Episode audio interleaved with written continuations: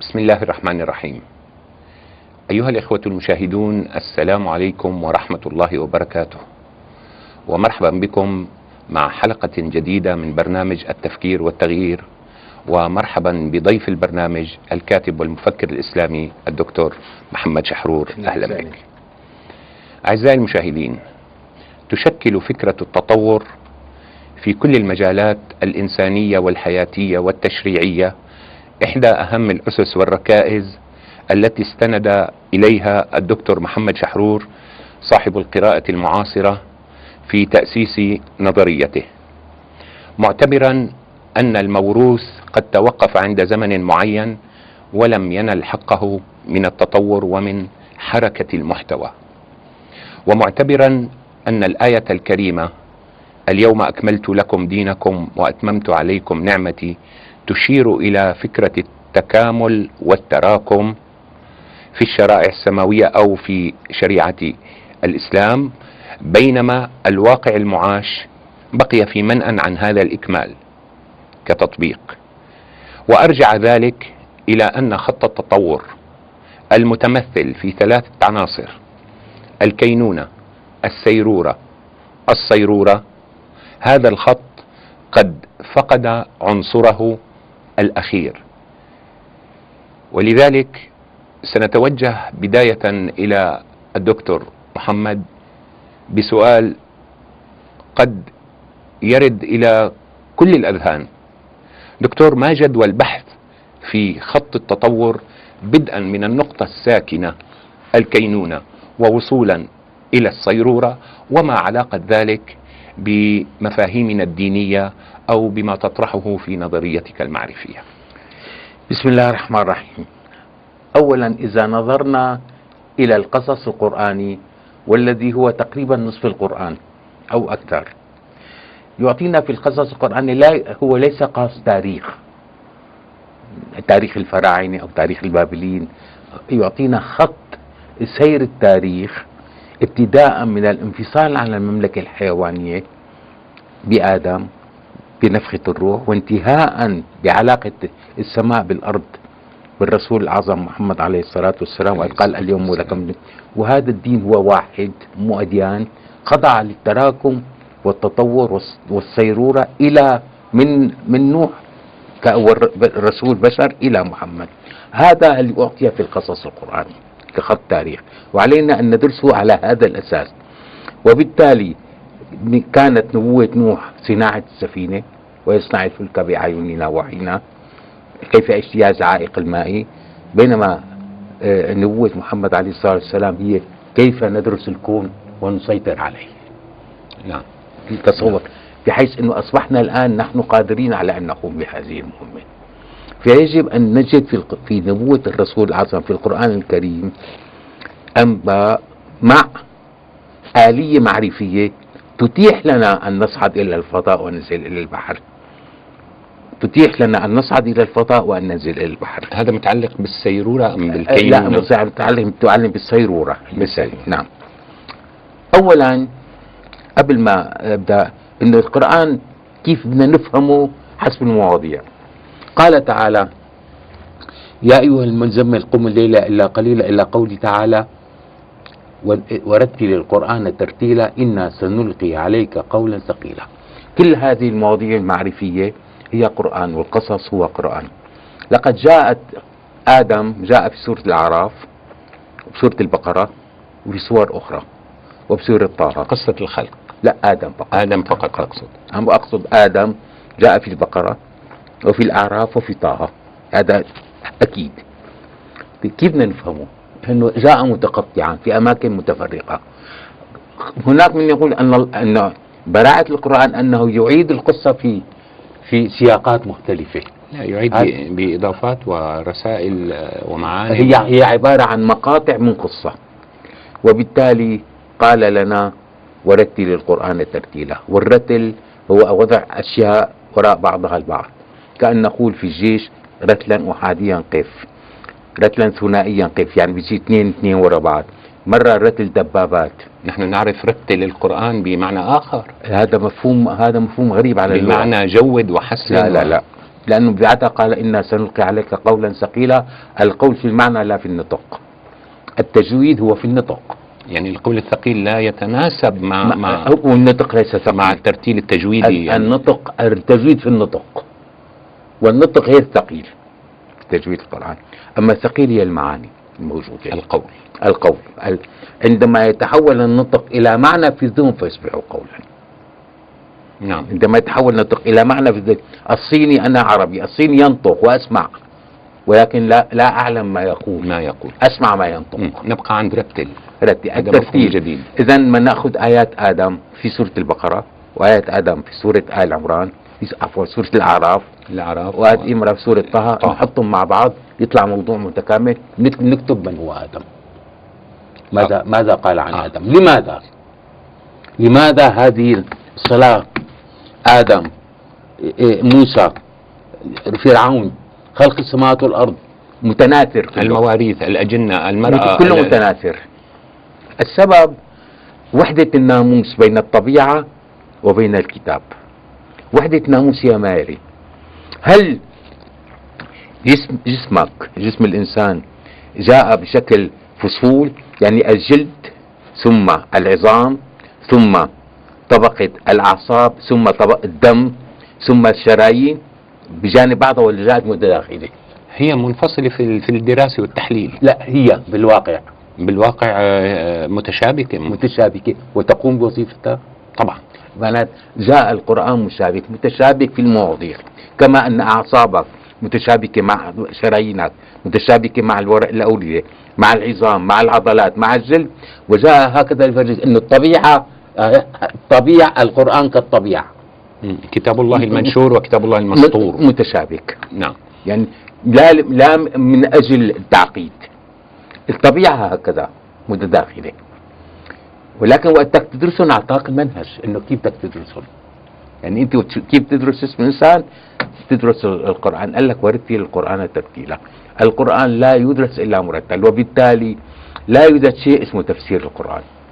لا يوجد. كيف؟ لك في 100 موضوع. أيوة كل موضوع يتم إيه إيه تناوله. في واحد يفهم هال 100 موضوع؟ خلق السماوات والأرض وآدم وإبراهيم ونوح وكذا والبعث والساعة وال... كل هالمواضيع أكثر من 100 أكثر من 100 واحد بيعرف لا بجهد العلماء الجماعي ممكن نصل إلى التف- نتيجة. عم بحكي عن تفسير قائم بفلان. لفلان قد لا يحيط يعني وما يعلم تأويله إلا الله. وحتى لا يوجد تأويل أصلا. يعني أنا آسف لك يعني لا يوجد أصلا تأويل.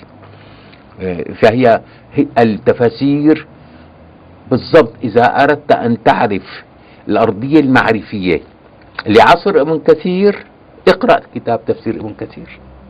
يعكس الأرضية المعرفية لعصره. يعني اجتهد ضمن سقفه يعكس وأدواته. الأرضية. قلت لك يعكس الأرضية من- هذا لعصره مو لي شو عصره الأرضية المعرفية هو عم يحكي طيب يعني ليس من موضوعنا. نعم. موضوعنا ترتيل القرآن يفيدنا في فهم السيرورة أم الصيرورة؟ لا يفيدينا في فهم يفيدينا في نظرية المعرفة. هلا بضمن الترتيب القرآن من مواضيع القرآن نأخذ ما هي مواضيع الكينونة والسيرورة والصيرورة. يعني آه، آه، اثنين مواقع النجوم. تكلمت عنها سابقا. مواقع النجوم. فلا أقسم بمواقع النجوم وأنا رأيي لا أقسم. إنه لقسم لو تعلمون عظيم. فلا أقسم بواقع النجوم وهناك من يقول لا أقسم يعني مأكد في بمواقع النجوم وإنه لقسم لو تعلمون عظيم. علينا أن نعلم أن مواقع النجوم لا علاقة لها بالنجوم في السماء.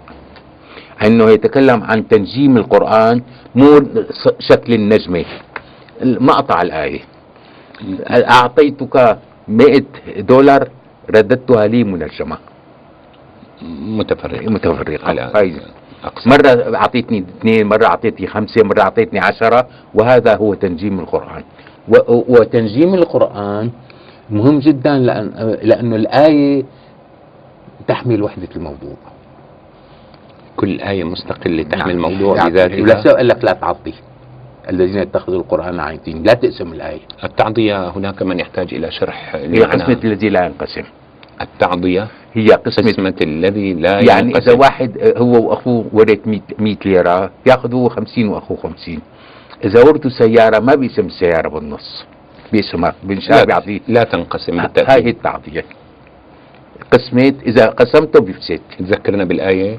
جعلوا. آه، آه، فلا آه، كما أنزلنا على المقتسمين الذين جعلوا القرآن عظيم يعطين مقسم. هي التقسيم الذي لا ينقسم. هناك بتر بالمعاني يعني. تماما. نعم. مواقع النجوم تعيد ال- ال- النسق القرآني مثل للفهم. مثل والفجر آية نجمة نجمة بص قطع وليال عشر نجمة. قطع والشفع والوتر نجمة. والليل إذا يسر نجمة. آه، يعني عبس وتولى نجمة. أن جاءه العمى نجمة. بينما من الناحية اللغوية كلسان عربي إذا وضعت والفجر وليال عشر بآية واحدة يمكن ال- ما الصاق المشكلة؟ هذه. وين, المشكلة؟ ماذا يتغير بالمعاني؟ سؤال يخطر لأنه, لأن بالأذهان الفجر موضوع متكامل. متكامل. يليه يليه الليالي العشر. لأن الفجر معناتها عم يحكي عن عن ظاهرة قائمة بذاتها هي الانفجار الكوني. المعروف أنه ما يسبق لا الإصباح هو الانفجار الكوني. الفجر عندك الانفجار الكوني. طبيعة عشر مراحل من التطور قبل أن يظهر النور. الليالي العشر. نعم. إذا يسوي نتحدث لك والظلمات والنور. نظرية الانفجار الكبير آه، يعني إلى الآن نظرية مستوردة آه،. بصرف النظر عن صحتها وخطئها إلى الآن إلى الآن الكون عم يأكدها. كل العلوم عم تأكدها أنه حصلت.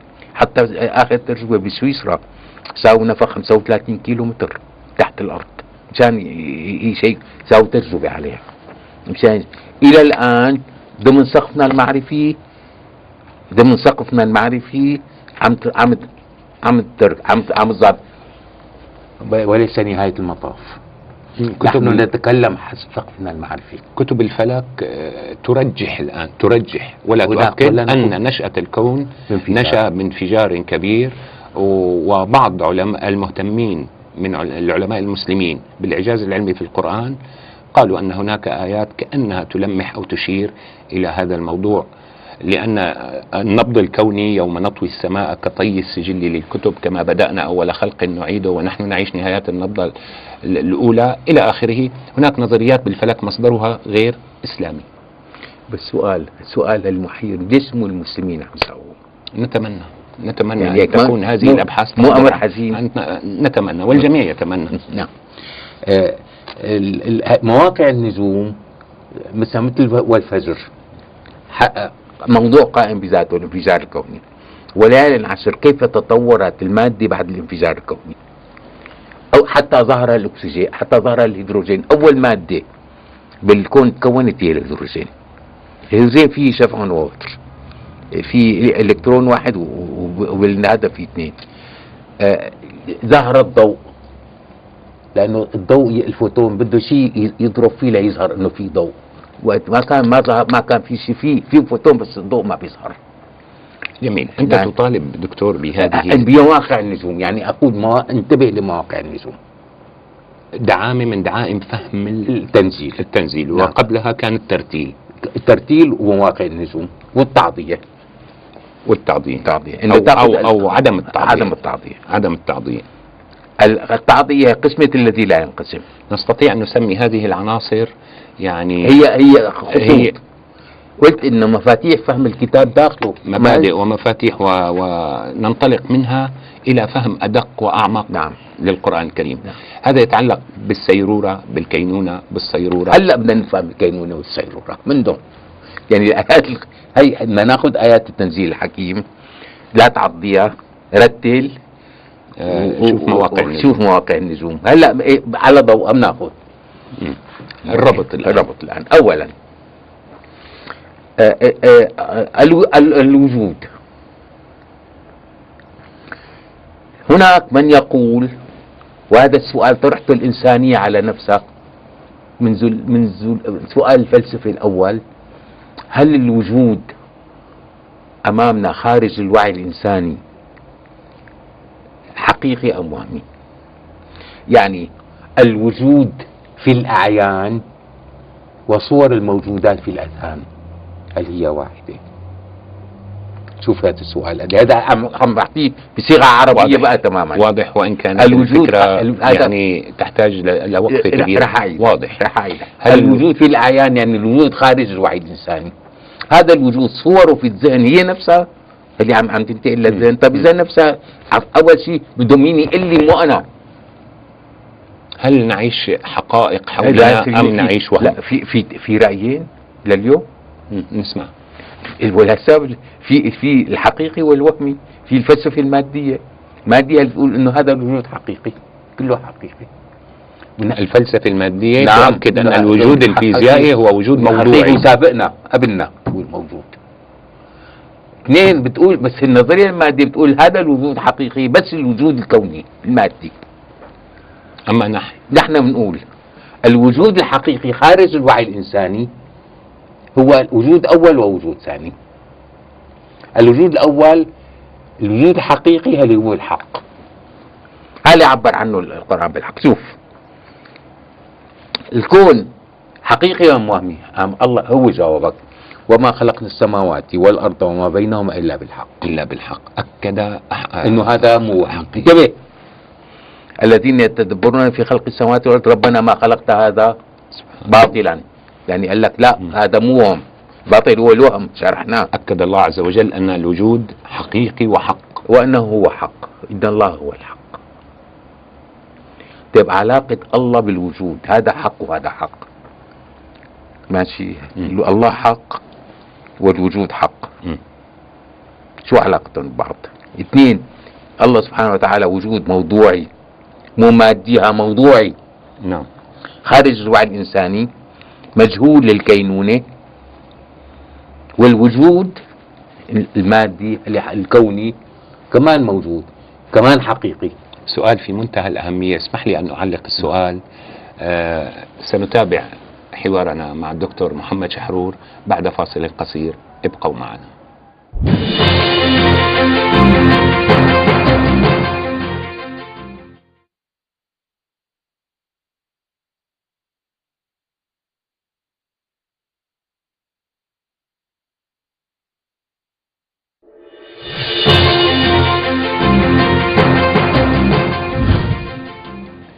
أعزائي المشاهدين توقفنا قبل الفاصل عند سؤال كبير وهام.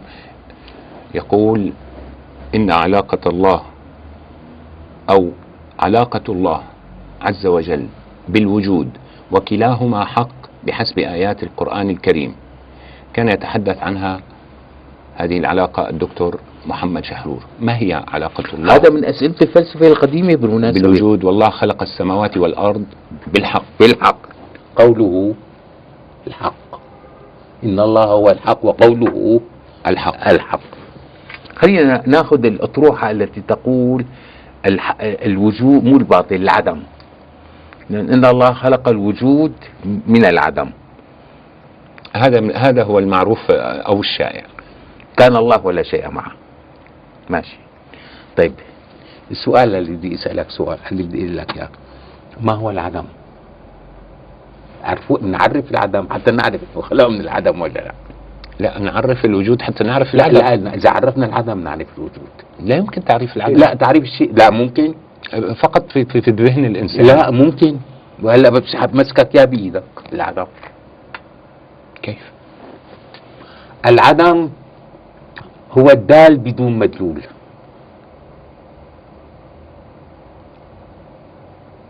هذا في النصوص الأدبية لا، في الشعريه في. النقد في النقد لا، الدال بلا لا، مدلول يقولون عدمية هذا هو العدم. لا، لا، عظيم رب العالمين كان الله ولا شيء معه. الكون كان ضمن معلوماته ولا ما بيعرفه. كان الكون في في علم الله دال بدون مدلول. فكلماته هي الكون نفسه. علاقة الله بالكون قوله الحق علاقة الله بالكون علاقة الك- الكلام بالمتكلم. فبالنسبة لنا الشمس كلمة دال. نعم. والمدلول هي ال- النجم الكبير هذا الشمس. نحن مفصول الدال عن المدلول. بالنسبة لله سبحانه وتعالى الكلمة هي عين المدلول. الدال هو عين المدلول.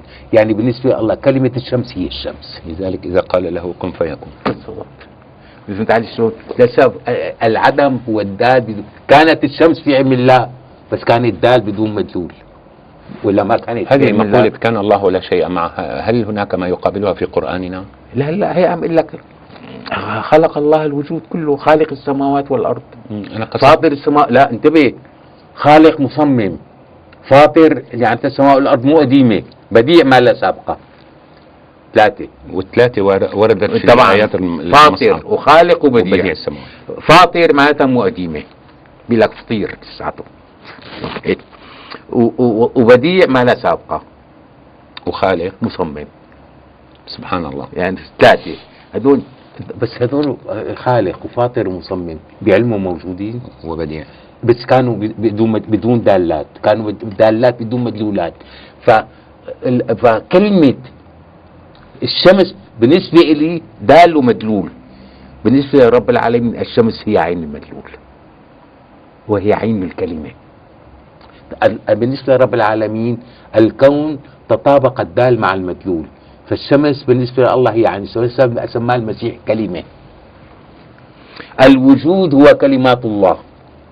والقرآن كلام الله.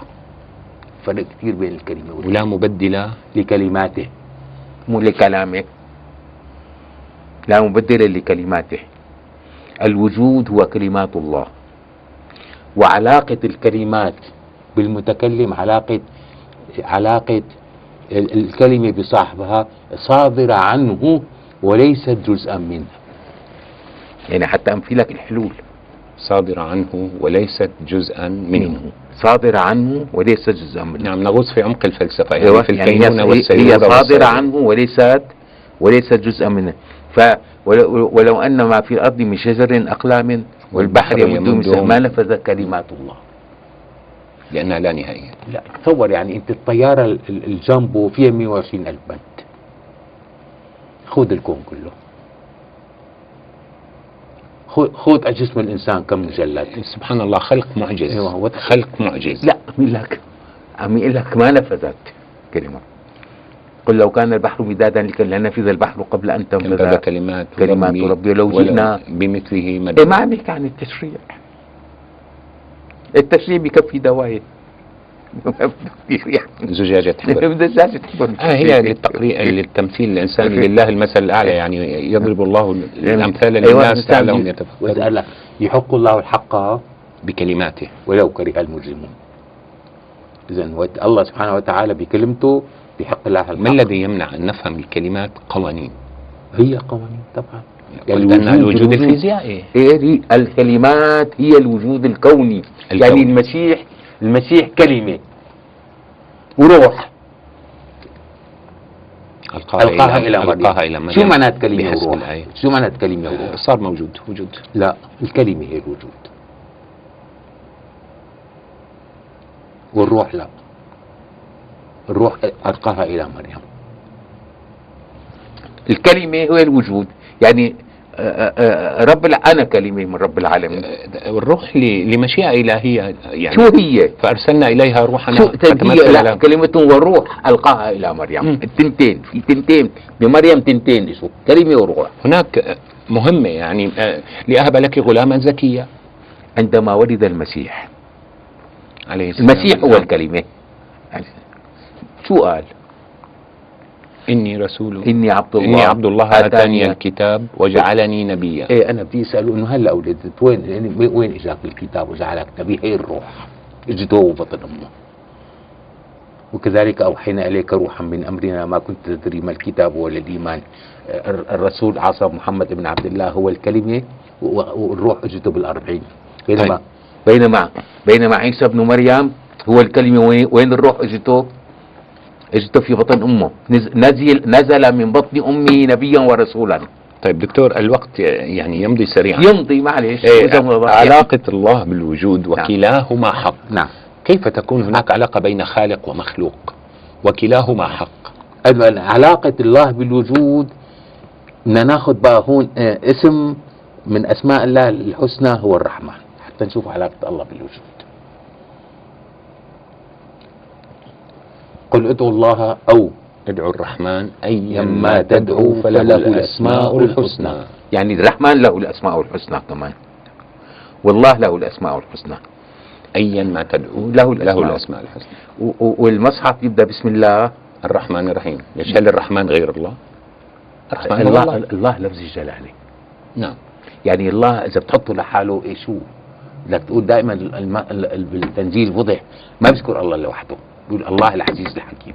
الله كذا كذا. تبارك الله. أما الرحمن بيذكر لحاله الرحمن انتهت الايه علم القرآن.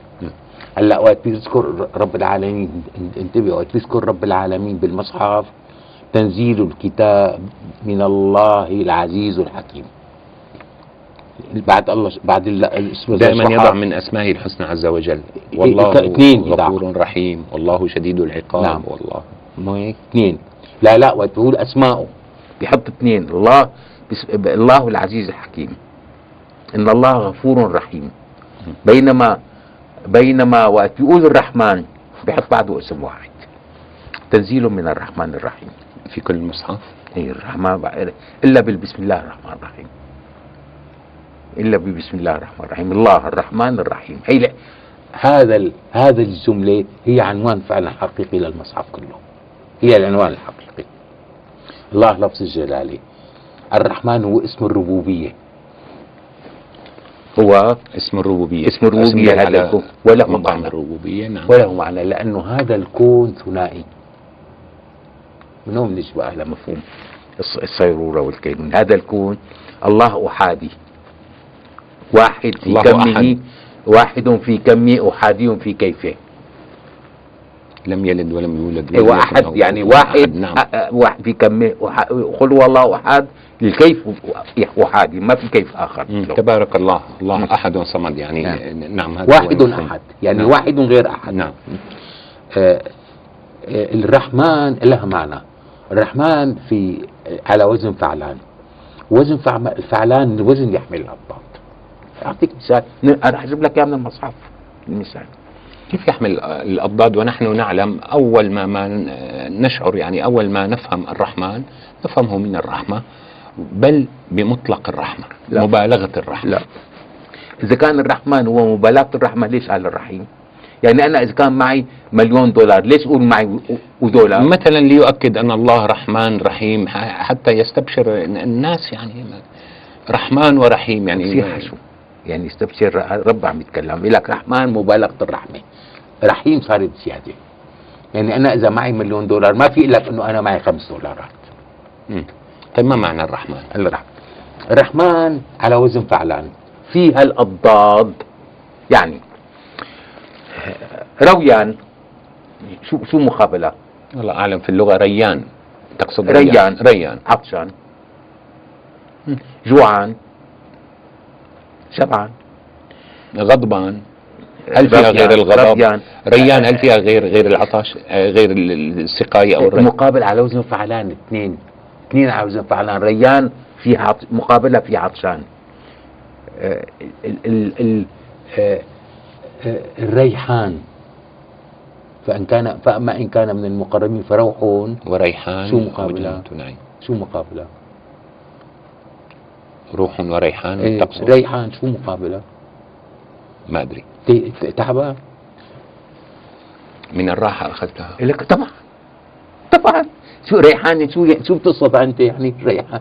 شو تفهمها انه واحد عم واحد عم يموت والله يا دكتور فأما إن كان من بالأفكار الم- الغريبة يعني فأما إن الفكرة كان من تلو الأخرى فأما إن كان من المقربين فروح وريحان. إيه، يعني بيبقى مبسوط ومرتاح نعم الآية معروفة لكن تستند إلى سيبويه وتارة تنكر قواعد لا اللغة لا, لا لا العربية عم باخذ تستنكر بقى أنا ما عم باخذ لا فاعل ولا مفعول به أنا عم باخذ الأساس إنه هذا الوزن الجذر اللغوي وال- اللغوي هذا الوزن والصيغة يحمل يحمل الأضداد طيب يعني لنفترض فرقان جمعان يوم الفرقان يوم التقى الجمعان فرقان وجمعان لنفترض أن الرحمن تعني آه، كلا المعنيين تعني الثنائيات ما هي. الثنائية؟ آه. معز شو مقابلة؟ مذل. ال- الرحمن معي الرحمن معز مذل. الرحمن رافع خافض الدليل بسرعة لو سمحت. آه. الدليل الرحمن الرحمن رحيم شديد العقاب. بس الرحيم مو شديد العقاب. أي فرق بيناتهم الرحمن رحيم وشديد. يعني الرحمن بيعطيك بيكافئك وبيرحمك. بس وبيعاقبك يعني بالرحمن التنتين موجودين. بس آه، من من أين جاء هذا المعنى؟ قال تعالى؟ قال يا أبت إني أخاف أن يمسك عذاب من الرحمن فتكون للشيطان وليا. الرحمن بيعذب كمان. وهون رحمتي وسع عذابي أصيب بمن أشاء من ورحمتي. وسعت كل شيء. بسم الله الرحمن الرحيم. هون قال له شو؟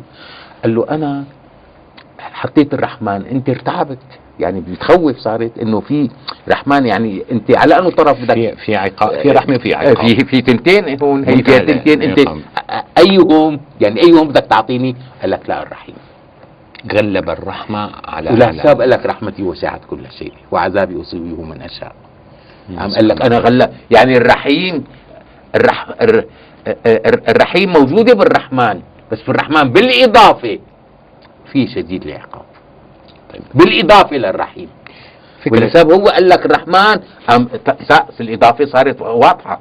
هذا جزء من الفهم. هذه الفكرة أين نضعها في موضوع حلقتنا؟ الرحمن آه لا في الثنائيات بالثنائيات. يعني يجب جد- أن الجدل الأضداد والأزواج كله ثنائيات.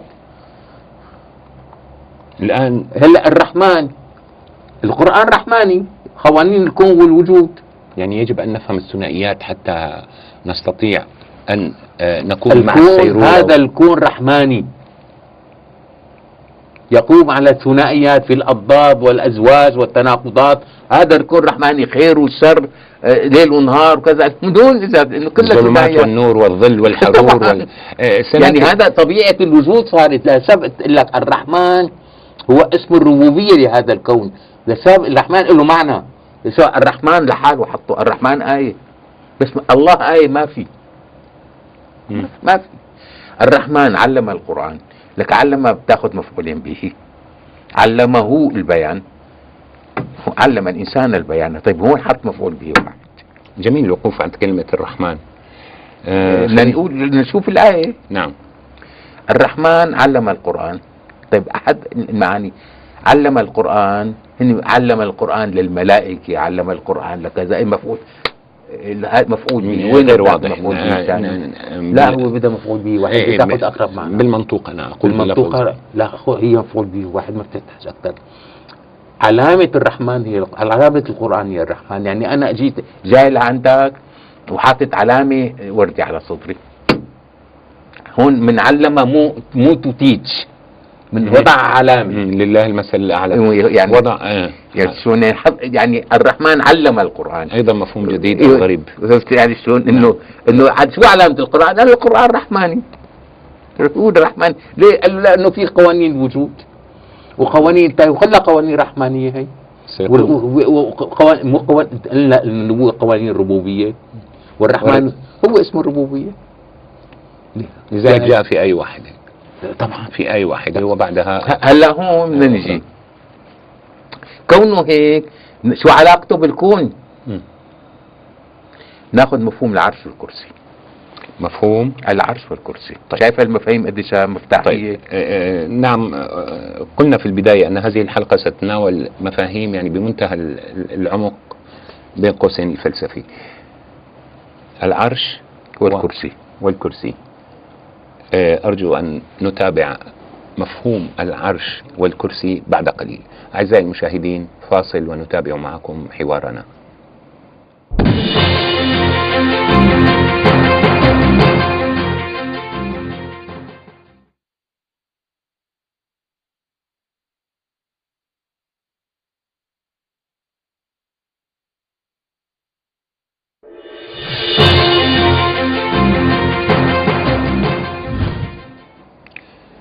مرحبا بكم مجددا أعزائي المشاهدين ونعود إلى موضوعنا الذي توقفنا عنده وهو مفهوم العرش والكرسي حيث نستمع من الدكتور محمد شحرور إلى ما سيقدمه حول هذين المفهومين العرش والكرسي وعلاقتهما بالرحمن. بسم الله العرش ورد في التنزيل في عدة أماكن وهو الذي خلق السماوات والأرض في ستة أيام وكان عرشه على الماء. هذه من الآيات البينات. هي آية تقابل أهم من آية تقابل واحدة تقابل واحدة من تسع آيات البينات آه، تبع موسى هو اثنين بالآلاف لك آيات بينات هذيك معجزات لنبي أيوة. هي حول لا هو معجزات اسمه- الله عز وجل والمعجزات هي آيات بينات. كله اسمه آيات بينات. آه، اثنين نكروا لها عرشها ورفع أبويه على العرش. الرحمن على العرش استوى. نعم. ويحمل عرش ربك فوقهم يومئذ ثمانية. نعم. شوف عرش ربك الرحمن على العرش استوى. اولا العرش هو الم- المعنى المعنى آه، المباشر هو مكان مرتفع معروش للسيطرة. للسيطرة والذي يأمر وينهى وقد أضيف أو أسند إلى أكثر من شوف أكثر من هلأ إذا كان واحد من إذا شخص. إذا المكان ال- ال- طبعا إذا مك إذا إذا يوسف فقد العرش المكان ما راح يعني هو المكان بس فقد الأمر والنهي. إذا العرش ليس الكرسي الملموس. هو ولا سأله نكروا عشان هي صاحبة هذا و- و- ورفع أبوه على العرش يعني صاروا جنبه. فهو العرش عرش المرأة بيتها لأنها تأمر وتنهى. إذا هو مقام وليس شيء ملموس. مقام. ده كان. لا انتبه. هو أمر ما ما أمر على شيء. أمر ونهي على شيء واستحكام وسيطرة سب الرحمن على العرش استوى. شوف.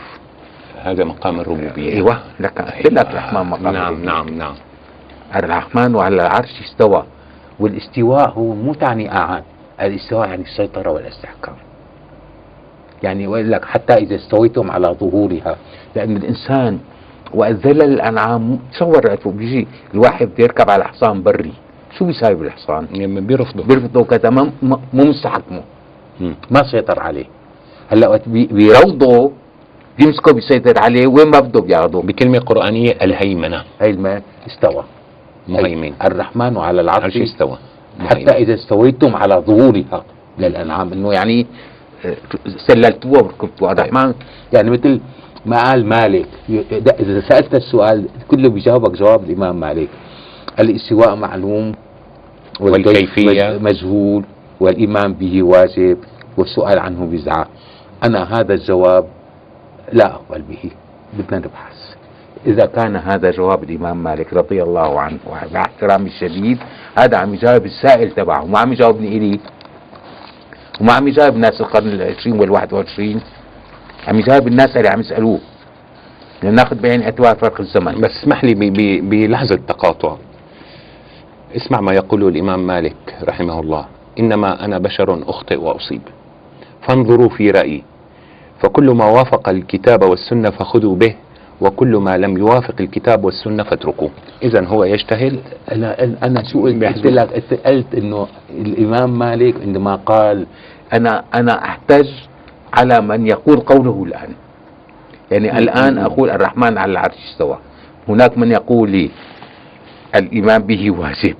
والسؤال والكيفية والاستواء معلوم مجهول. والكيفية نعم، مجهول. نعم، والإيمان به المقولة- واجب والسؤال عنه مقولة. معروفة. أنا يجب أنا أن- أرفض هذا الكلام. نعم يجب أن نتابع التدبر هذا الكلام والعلم مرفوض. هذا الكلام بالنسبة لي مرفوض. ولكن قد أقبله لمالك قالوا أنا عايش وقته مم. جميل. قد أقبله. أما جميل. الآن ما ما بصير أنا الآن أخذ أخذ واحد أعطى ملاحظة لواحد من, من 1200 سنة جميل. كان عرشه على الماء آه. قضية تستحق سؤال الوقوف. أول أول أول عنصر تشكل بال- بالهذا مو الهيدروجين الناس العلماء الطبيعة والفيزياء وال- أول عنصر تشكل هو هو بيقول لك أو أكثر عنصر ليش؟ العرش هو الأمر والنهي طيب رب العالمين خلق الكون نعم. على على على هو ربه فعرشه على الكون يعني أمره ونهيه على ماذا؟ على من خلق في مقام الربوبية. طيب هل تعتقد أن الماء يحتاج إلى سيطرة وهيمنة وتحكم؟ لا لا هو متحكم كان عرشه على الماء. عرشه مو مو, مو العرش. نعم سيطرة. أمره طيب آه. إذا كان ما في غير مي كان يعني إذا كان الهيدروجين هو هو هو العنصر الوحيد في الكون. من زين اسمه مولد الماء. إذا الهيدروجين إلى الآن هو أكثر عنصر في الكون كله ما في أكثر عنصر. أول ما أول ما وجد العناصر في الكون كله فقط هيدروجين عم يقول لك إنه في عنصر واحد اوجد أول ما وجد هو الهيدروجين. من الهيدروجين انتقل للهيليوم للراديوم وصل طيب أنت دكتور مهندس طبعا و- و- و- يعني يعني يعني هذا لك يعني في هذا الأم الأمر الموضوع. كان الأمر مستحكم على هذا. بعدين وهو هل أيوه كان عرشه على الماء. بعدين عم يقول لك شوف الصيرورة.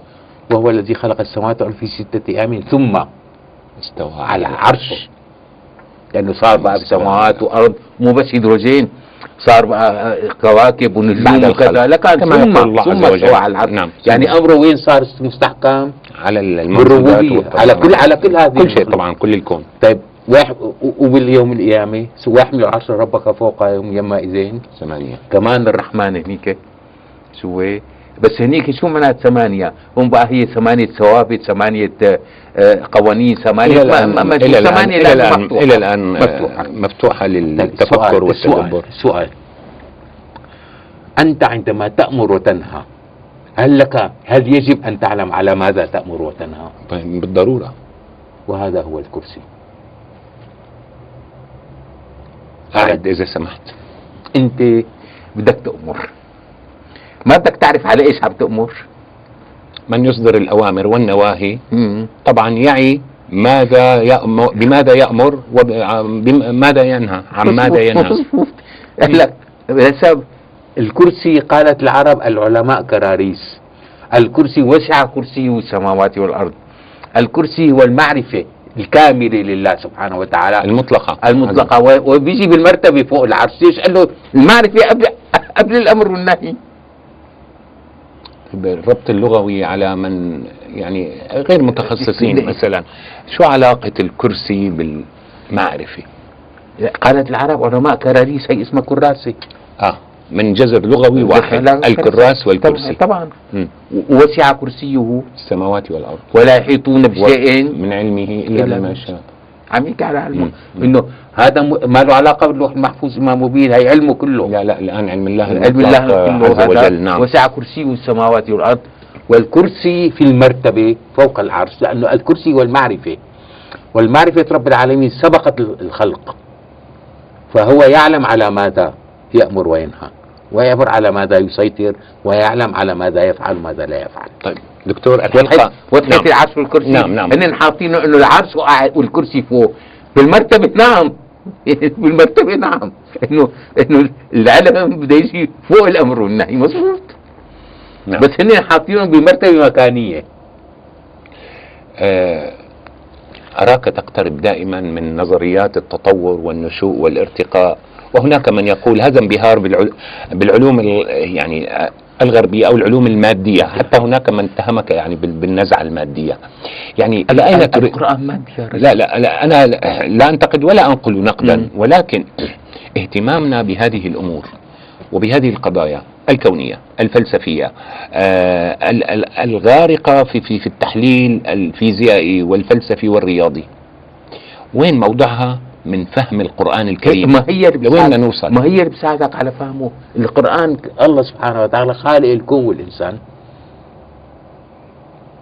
وأعطيك الكون بدايته والصيروره تبعه والصيروره النهائية. ما هو أعطيك مم. اياها كلها وهي هي أصلا الأساس العقائدي تبعنا.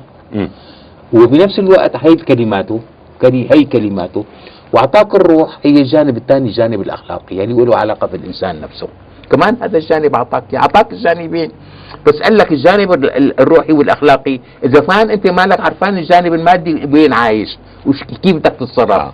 اي روح وأي أخلاق حتى. نعلم إلى أين نسير وإلى ماذا نصير والمآل كله. والمآل و... آه، وكيف و... تسخرها لنفسك كيف تسخرها الساعة. يعني يعني رب العالمين عم يقول لك التطور وتغير السيوره من القوانين من القوانين الثابتة اللي أنا حاططها ما بتتغير. بدي الكون آه، بالهيدروجين. تطور ضل يتطور؟ كان عرشه على الماء في ستة أيام ثم استوى على العرش ويحمل عرش ربك فوقهم يومئذ سماوات إنه حتى عرش الرحمن أوامره ونواهيه عم عم تتغير من وقت إلى آخر. شو فهل هي عم يعطيك إياها إنه حتنتبه إنه هي سنة من سنن الله الثابته والرحمن ثنائي.